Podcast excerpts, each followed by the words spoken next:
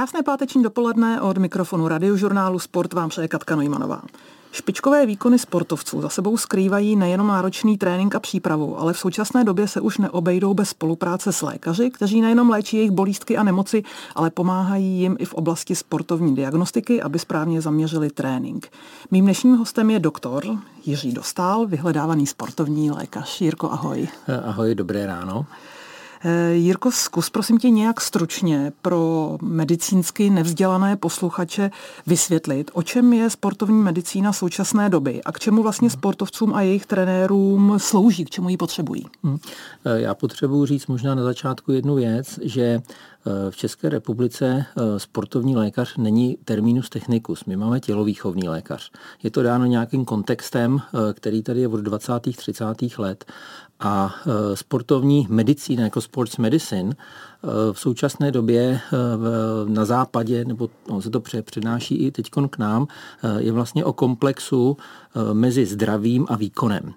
A je to jedno, jestli jde o sportovce jako takového, anebo jde v zásadě o nemocného, kterému pohybem pomáháme vlastně zlepšit, zlepšit jeho zdravotní stav. To znamená, to je obecně, co se týká sports medicine. A když se třeba podíváme na takový ukázkový uh, kongres atletic, uh, americké sport, společnosti pro sportovní medicínu, tak tam je třeba 10 tisíc účastníků. A je to ze všech možných eh, úhlů. Jsou tam lékaři, jsou tam fyzioterapeuté, eh, jsou tam pohyboví terapeuté, jsou tam nutriční terapeuté a tak dále. Ale ta čistá sportovní medicína, na co se ptáš, tak je to opravdu potom pro vrcholový sport. Eh, tam se nikdy poří, říká se tomu spíš team care, jako týmová, nebo to není týmový, ale v zásadě o ten vrcholový sport. A tam vlastně naše, náš úkol je, nebo naše role je pomoci sportovci zůstat zdraví a v tom zdravém prostředí udělat výkon, který by byl nejlepší dosažitelný.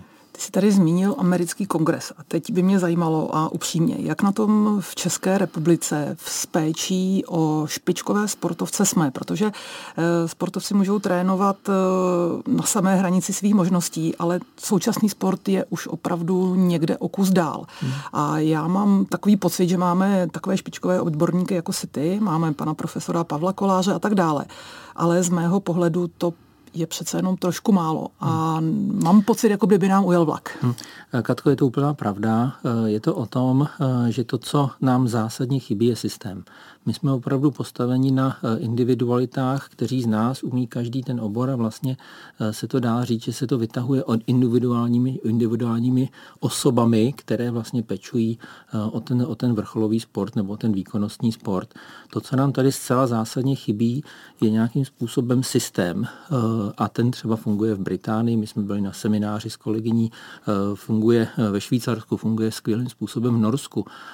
A to je to, co je asi nějakým způsobem do budoucna během následujících několika let, možná jednoho nebo dvou olympijských cyklů bychom měli se vrátit. Ten, ten systém tady byl před mnoha lety, ale my jsme si ho eh, vlastní pílí vlastně zlikvidovali.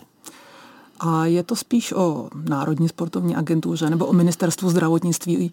Já vím, že Český olympijský výbor se pokoušel nastavit jakýsi systém, ale on je samozřejmě určen jenom pro pár vyvolených sportovců a my bychom asi potřebovali zasáhnout podstatně širší spektrum no. uh, už i těch mladších a budoucích hvězd. Tak, uh, v zásadě nemůžeme ukázat na jednoho, že je to jeho role. Eh, ta role NSA je nějaká, ta role by měla být o tom, že eh, vytvoří prostor, aby mohlo něco vzniknout. Potom je to prostor pro odbornou společnost, aby definovala tuto oblast.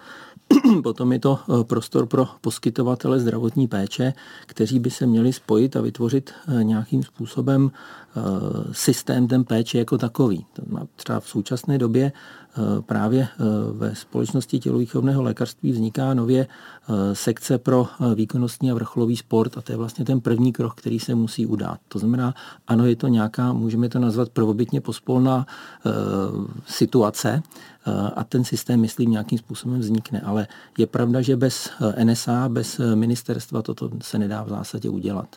Jako sportovní diagnostika. Já se vrátím ještě do doby své kariéry, kdy si pamatuju běhátko, senzory ohledně tepu, dýchali jsme přes masku do nějakého přístroje, který vyhodnocoval různé tepové úrovně, v kterých jsem potom trénovala a tak dále. E, co vše se od té doby změnilo a co vše nového se dá v laboratořích zjistit, než to, co si pamatuju ještě já? Tak Jedna eh, z prvních věcí je, že eh, celý svět takzvaně pádí dál a všichni se snažíme něco dělat nového a dávat do toho eh, nové, nové přístroje, nové nástroje. Samozřejmě my dneska máme mnohem širší portfolio věcí, které můžeme použít. Nicméně ono toho, nazvěme to železo, ono toho železa se dá opravdu na toho sportovce navěsit třeba pětkrát, desetkrát tolik. To, v tom problém není. Ten problém je v práci s daty a pochopením vlastně toho, jednotliv, toho samotného sportovce a důvodu vlastně, proč to jednotlivé vyšetření děláme. My třeba dneska jsme schopni některá vyšetření udělat bez toho, abychom ho opravdu posílali na běhátko a dokážeme podobné věci nebo ne lepší věci s tím. To znamená, to hlavní, kam jsme se eh, posunuli a kam je potřeba se dále posunout, je v chápání komplexu toho sportovce a nejenom toho zátěžového vyšetření, to, co je vlastně jakoby i mediálně, mediálně známé, nebo jsou hezké fotky na Instagramu, kdy tam někdo běhá, tak, tak toto úplně není. A to je asi největší posun od té doby. A pojďme k něčemu konkrétnímu. Co konkrétně vy jako lékaři, případně sportovec ví potom, co absolvuje třeba u vás v centru vyšetření? Hmm. Jaký to pro něj může mít konkrétní dopad hmm. do tréninku? Vlastně ono je potřeba si říci, jaký je, jaká je eh, úloha eh, toho daného vyšetření. Ono totiž nejde o vyšetření, ode vlastně Eh, já jsem v té první fázi mluvil o nějakým způsobem team care nebo sports medicine care. To znamená, je to o péči o toho sportovce a to vyšetření je jenom jedna ze součástí toho. A e, vlastně základ je, je definovat e, všechny rizikové faktory, ať už zdravotní, e, anebo výkonnostní, a ty faktory popsat a nějakým způsobem dohromady v triumvirátu mezi námi, trenérem a tím sportovcem definovat, jak ty to můžeme nazvat limitující faktory, jak s nimi aktivně pracovat. Buď to je zakceptovat, že prostě to dál nejde, bude opakovaně zraněný, tak prostě eh, ten sval bude vždycky ve vyšším riziku zranění, ale potom jsou nějaké preventivní programy, jak třeba ten, eh, ty, ty okolní eh, svaly, jak s nimi pracovat nebo jak změnit metabolismus, aby vlastně, když se znova zraní, tak aby se ten člověk například vracel rychleji do tréninku. To je takový jako jednoduchý příklad. Třeba. Ehm, vezmu hypotetickou situaci. Přijde vám do ordinace sportovec, kterého vůbec neznáte. Uh-huh. Já vím, že v České republice jsme malé pískoviště a znají se skoro všichni, ale kdyby tam teoreticky přišel uh-huh. někdo, koho vůbec neznáš, udělal jsi mu laboratorní vyšetření. Poznáš, že to je sportovní hvězda?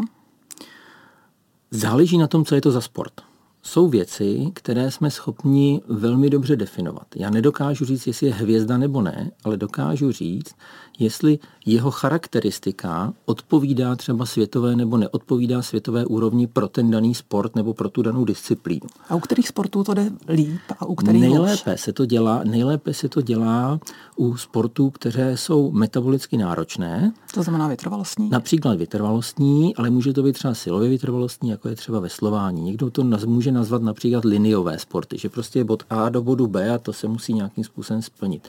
Mnohem horší jsou silové sporty, mnohem horší jsou intermitentní sporty, anebo technické sporty. Tam je to samozřejmě mnohem horší. Kolektivní například, jo, míčové hry hmm. a tak dále. Takže to samozřejmě je mnohem horší a tam se k tomu přistupuje jinak.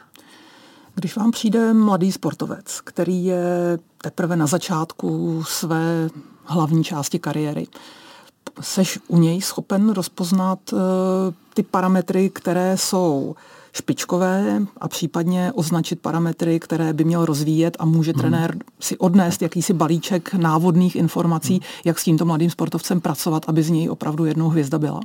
Ano, dá se to.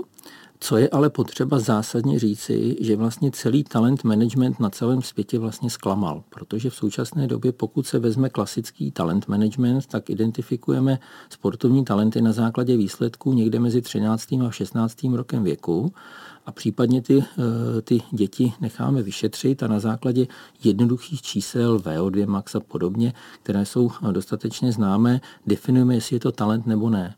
Problém je v tom, že se ukazuje, že podle typu sportu eh, je efektivita někde mezi 10 až 15 procenty. To je málo. Což je strašný. A ten důvod je k tomu ten, že celý tento model byl definován někdy v 60. 70. letech, kdy vlastně ten úspěch opravdu byl hodně o té fyzické části, ale dneska je to o, o, o, o, o části mentální, o sociálním prostředí a tak dále. To znamená, není to o tom, že někdo přijde a já řeknu ano, to je obrovský talent, ale můžu říct, to je člověk, v který určitých parametrech má možnost, pokud bude pracovat a tak dále, tak má možnost nějakého rozvoje, který by ho mm, ospravedlňoval k tomu, nebo řekněme, dostane eh, eh, dostane eh, vstupenku do toho elitního klubu. Jirko, my jsme se bavili o těch funkčních laboratorních vyšetřeních. Pojďme třeba k lyžování, mě blízkému sportu. Přijde ti tam reprezentační trenér se svými ovečkami a projdou nějakým pravidelným třeba testováním před sezónou. Ehm, co ty seš schopen říct trenérovi, aby třeba s nějakým konkrétním závodníkem zkusil dělat jinak? Jo, já, mě opravdu zajímá ta konkrétní uh-huh. rada, kterou třeba uh-huh. trenér dostane u vytrvalostního sportu a pravděpodobně je u každého závodníka jiná, protože každý závodník má slabiny a silné uh-huh. stránky někde jinde. Dobře. Eh, bez toho, abychom použili některá jména, pokud nás někdo uslyší, tak se v tom pozná, to už je jeho věc. Každopádně třeba e, určitý závodníci, kteří začínají dosahovat světové úrovně, e, se e, u nich rozpadnou takzvané prahy. Jo. Je normálně známo, že existuje jakýsi aerobní práh a naerobní práh. Nicméně ty jejich prahy se najednou metabolický a mechanický práh rozpadne. To znamená, u těch nejlepších závodníků vidíme to, že metabolicky by měli být extrémně rychlí, ale oni třeba mechanicky to nedokážou. To znamená, že jejich limitace se z metabolické přesune do té mechanické, do té ekonomiky pohybu například. Takže vlastně u toho závodníka říkáme, trenére, ty musíš udělat jednu věc, ty jsi ho dostal tak daleko, tak vysoko, že jeho parametry jsou na světové úrovni v této oblasti, ale vlastně ten vývoj toho závodníka ho neopravňuje k tomu, aby jezdil do toho pátého místa. A chviličku bude trvat a musíš ho posunout směrem do, této, do té mechaniky jako takové.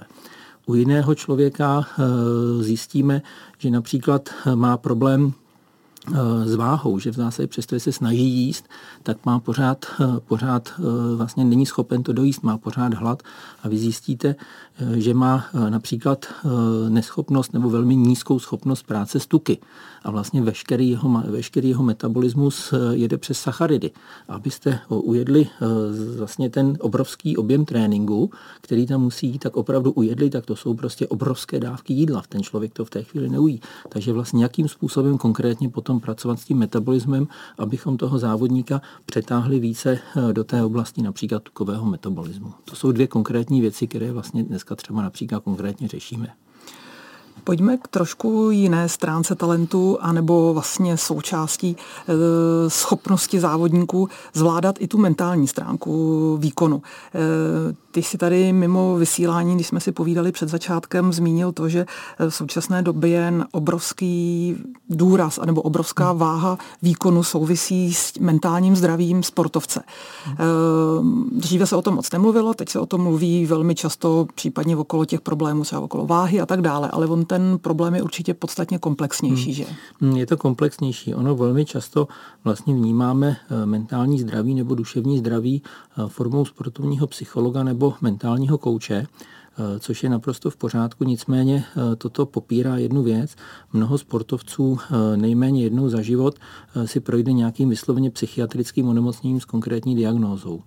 A e, například, Předpokládám stejně jako jakýkoliv jiný běžný občan, nejenom sportovec. Nejenom běžný občan, v některých případech, například v oblasti mentální anorexie u rizikových sportů, e, tak to, e, to procento dosahuje někdy 45%. Jo. To znamená, si, že prakticky skoro každý, každá druhá sportovkyně v určitých rizikových disciplínách je ohrožena mentální nebo jinak poruchou příjmu potravy, abych řekl, protože tam nejenom mentální anorexie. A to samozřejmě nepatří do rukou mentálního kouče, to patří do rukou týmu, který eh, ten, eh, tento problém řeší. To musí psychiatr, nutriční terapeut, psychoterapeut, specifický trenér. A eh, vlastně IOC, což je Mezinárodní olympijská federace, vlastně definuje duševní zdraví, vyslovně duševní zdraví. Říkám, je to fakt něco jiného než, než mentální coaching, jako jednu z prioritních os, protože to v současné době je jedna ze zásadních věcí, která teda kosí vrcholový sport na světové úrovni. Souvisí právě to mentální zdraví s schopností zvládat stres spojený s velkými závody, s právě tím vrcholovým sportem, s tlakem na sportovce, že ne každý má parametry toho zvládat tyto situace. Určitě jednoznačně. Jednoznačně. Jednoznačně to tak je. Někdo může říct, že máme méně odolné lidi, že dříve byli lidi odolnější, ono je to jednoduché říci. Pravda je, že ty, že ty netréninkové stresy v současné době jsou mnohem vyšší úrovně. A třeba my, když dneska řešíme v mnoha případech přetrénování, protože v zásadě to je to je, to je problém, který v současné době eh, zase narůstá, tak vlastně v klasickém přetrénování bylo to, že někdo měl trénovat, prostě trénoval špatně, trénoval příliš se přetrénoval. To prakticky v současné době nevidíme. Eh, v drtivé většině eh, jsou to některé netréninkové stresy, které tam působí a v zásadě se dá říct, že dneska neexistuje přetrénování bez klinické deprese a neexistuje sportovec s depresí, aby nebyl přetrénovaný. To je prostě jednak jedný. Sportovní lékař Jiří Dostál, který se stará o řadu našich špičkových sportovců, je hostem radiožurnálu Sport. Eh, Jirko, pojďme se vrátit krátce k těm minulým covidovým rokům, které zasáhly nejenom společnost, ale zasáhly i svět sportu. Eh, Jaké dopady vidíš ve své ordinaci ty? On tady samozřejmě covid je s námi i nadále, eh, ale prostě to období bylo i pro sport devastující. Hmm. Obecně se dá říci, že sportovci, všichni to vědí, že sportovci byli nízkorizikovou populací. To je pravda. Na druhou stranu eh, dlouhý covid nebo postcovidový syndrom se některým z nich eh, vysloveně nevyhnul a měli jsme x lidí, eh, které to zastavilo na několik měsíců. Třeba v tvém oboru běžeckého lyžování je teď známý, nebo biatlonu myslím, pardon, x seveřanek, které prakticky musí vynechat začátek sezóny právě kvůli tomu, že mají, že mají post-covid. My dneska tedy víme, jakýsi podklad, který k tomu je. Eh, ale eh, ten, eh, toto řešení toho problému bohužel máme dost svázané ruce a není moc, moc, moc aktivní. No. Musíme, musíme počkat. No. Rozumím tomu správně, že přestože jsou sportovci fyzicky zdatní, tak přes některé covid hmm. prošel, že o tom skoro ani nevěděli a hmm. některé vyřadil na dlouhé týdny a myslíš si, že to je spíš tím, jakou mutaci chytli, takzvaně, anebo to bylo tím, že měli jakési predispozice e, mít s covidem větší problém než třeba jejich kolegové? My víme dvě věci. Jediný rizikový faktor, který byl chytatelný a jasně popsatelný, byl příliš rychlý návrat. To bylo úplně jednoznačné. Ti, kteří se příliš rychle vraceli a neposlechli, do tréninku, tak měli myslíš? do tréninku, tak ti měli mnohem větší riziko post-covidu. Eh, na druhou stranu, eh, ne každý, kdo se rychle vrátil, měl samozřejmě post-covid. Ale co se týká těch jednotlivých mutací, tak vlastně masivně to byla delta v poslední době a potom omikron. A my už nedokážeme říct, který subtyp něco vyvolával nebo ne. My víme, co se stalo. To, co se stalo, tak žargonem používáme nějaký vytrvalostní základ. A vlastně to, co se stane, eh, tak ten vytrvalostní základ prostě zmizí. Prostě ten člověk, který byl schopen eh, klusat eh, nebo běhat si i třeba pro radost, se nebavíme jenom o vrcholovém sportu, bavíme se o kohokoliv, kdo, to, kdo tento poslouchá, byl schopen klusat okolo třeba 5.30 na kilometr, tak dneska najednou není schopen skoro klusat 7.38, on musí chodit. A to je přesně to, že ten vytrvalostní základ vlastně úplně zmizí. Ten metabolismus se totálně změní. My víme jak, ale to už bychom zabíhali do přílišných podrobností.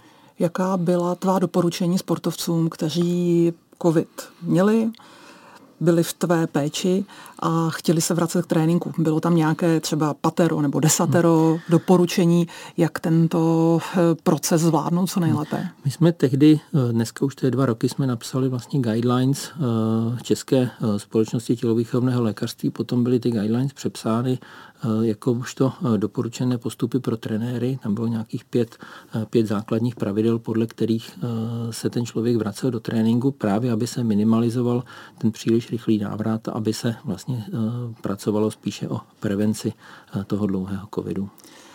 Zajímá mě tvůj názor na testování během covidu, protože e, řada mých známých řad sportovců říkala, že to bylo až nesnesitelné, že opravdu hmm. několikrát v týdnu, hmm. pardon, že použiju ten hmm. výraz, jim prostě bylo šťouráno v nose, hmm. někdy dost hmm. hluboko. Hmm. A že to některým dokonce přivodilo problémy právě hmm. toto testování. Myslíš, že to opravdu hmm. tak mohlo být?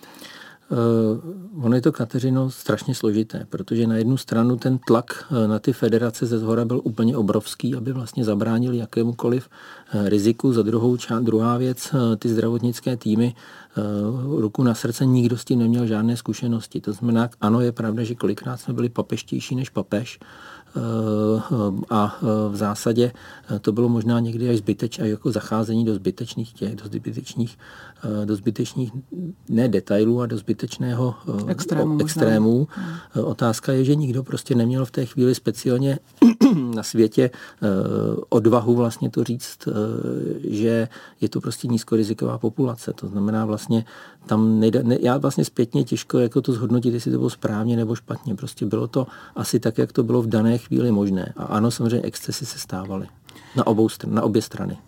Eh, lze nějakým způsobem zobecnit, že daleko horší dopady na sportovce eh, měl COVID v oblasti třeba těch vytrvalostních sportů, než eh, u sportů technických, kde přece jenom ta metabolická zátěž není tak veliká? Jo, určitě jednoznačně ano. Určitě jednoznačně ano. Tam je potom druhá věc. Jeden je COVID jako takový a druhý je vlastně ten detrénink. Jo? Protože my víme, jak ten COVID nám zároveň pomohl v jedné věci, Eh, definovat a ukázat, eh, co to znamená, co se stane vlastně s člověkem, který přestane trénovat, protože to bylo opravdu poprvé v historii, kdy jsme měli masivní detrénink eh, vrcholových sportovců a viděli jsme vlastně v přímém přenosu, co odchází první, co odchází druhý a když se člověk vrací, jakým způsobem to vypadá. A jedna z věcí, která třeba je, eh, že se nám, že se nám zvedly eh, počty svalových zranění. Eh, u lidí, kteří do této chvíli vlastně neměli vůbec rizikový, tak najednou měli svalová zranění. A my dneska nevíme, jestli to bylo tím covidem nebo to bylo tím detréninkem jako takovým. Ale stoprocentně víme, že, že ten, ten detrénink, to znamená v zásadě ta inaktivita hrála výraznou, mnohem výraznější roli, než si myslíme. Jako k vám do Centra sportovní medicíny se dostávají sportovci, kteří jsou už většinou v systému juniorských reprezentací, reprezentačních výběrů a tak dále. Nicméně, jak musí mladý sportovec trénovat, třeba v tom dětském věku, kolik toho musí mít otrénováno, v jakých objemech, hmm. aby když se dostane do juniorské reprezentace, tak aby to nebyla konečná, aby prostě hmm. měl potom potenciál dalšího růstu a měl takzvaně zaděláno na hmm. špičkovou kariéru. Eh, je potřeba říci, že jsou některé sporty, kde, které objektivně vyžadují časnou specializaci.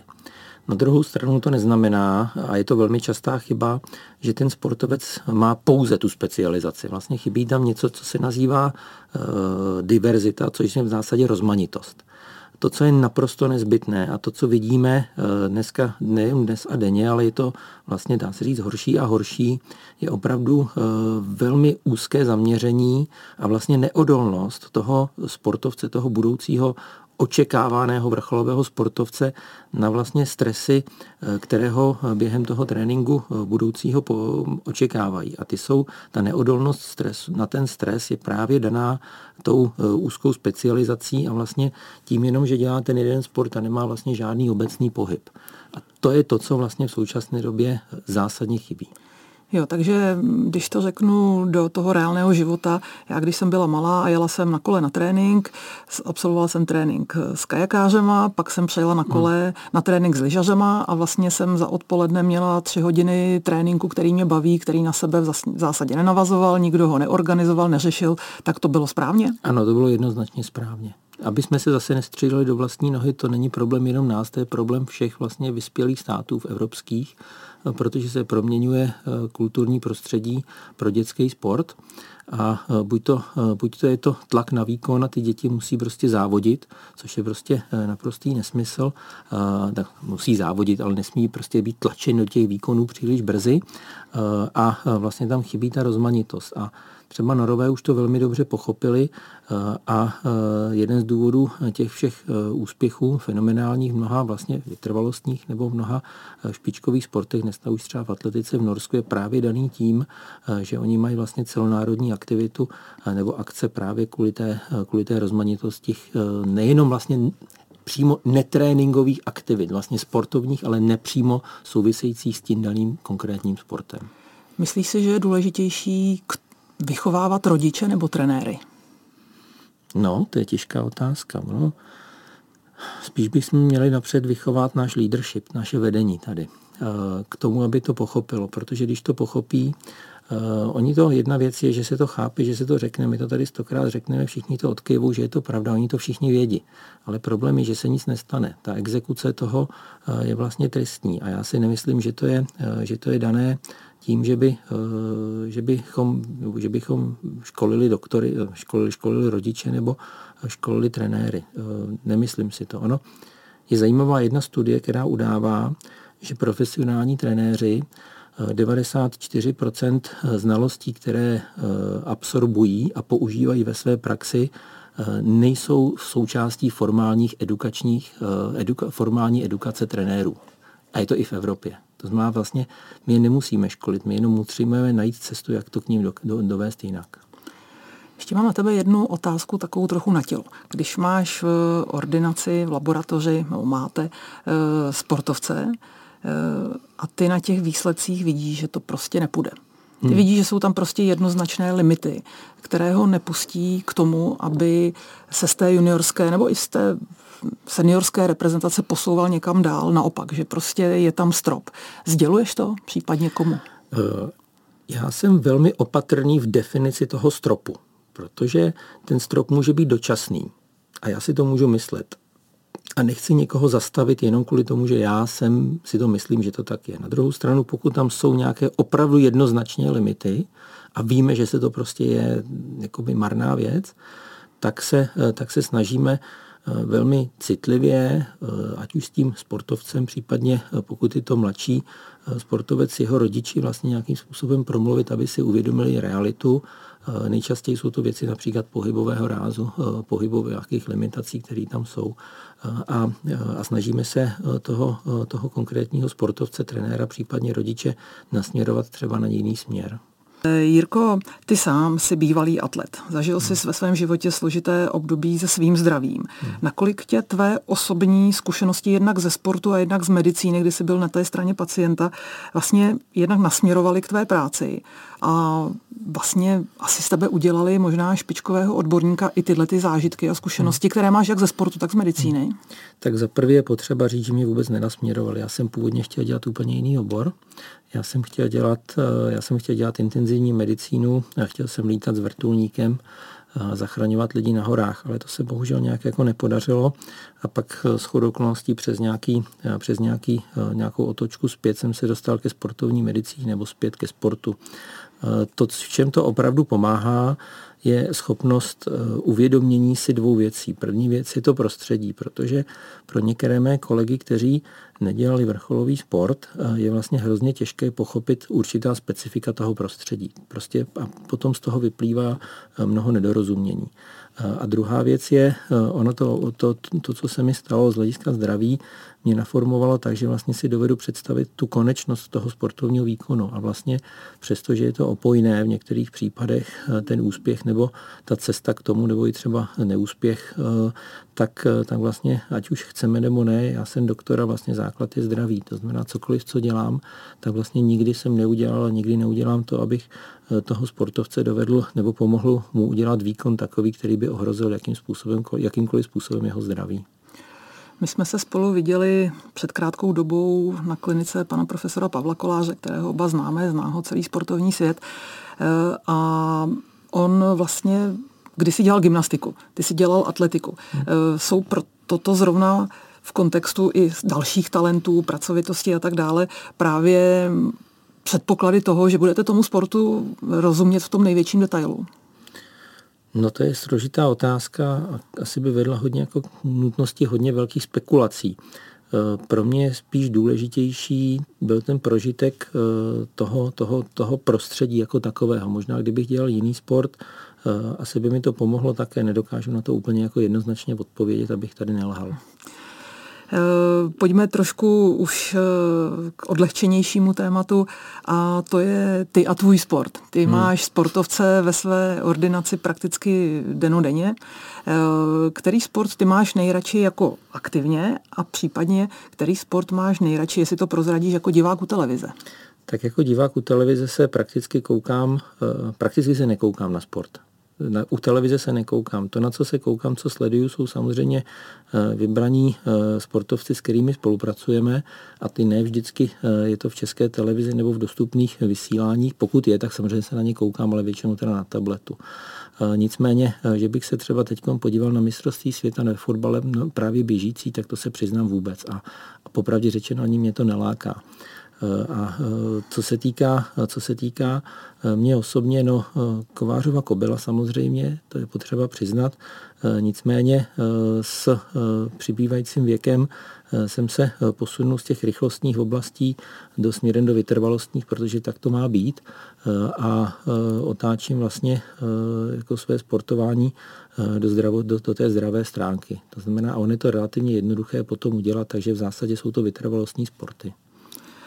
Eh, říkal si, že moc nekoukáš na televizi, ale přece jenom eh, tobě procházejí ordinací opravdu velmi zajímavá jména z oblasti českého sportu.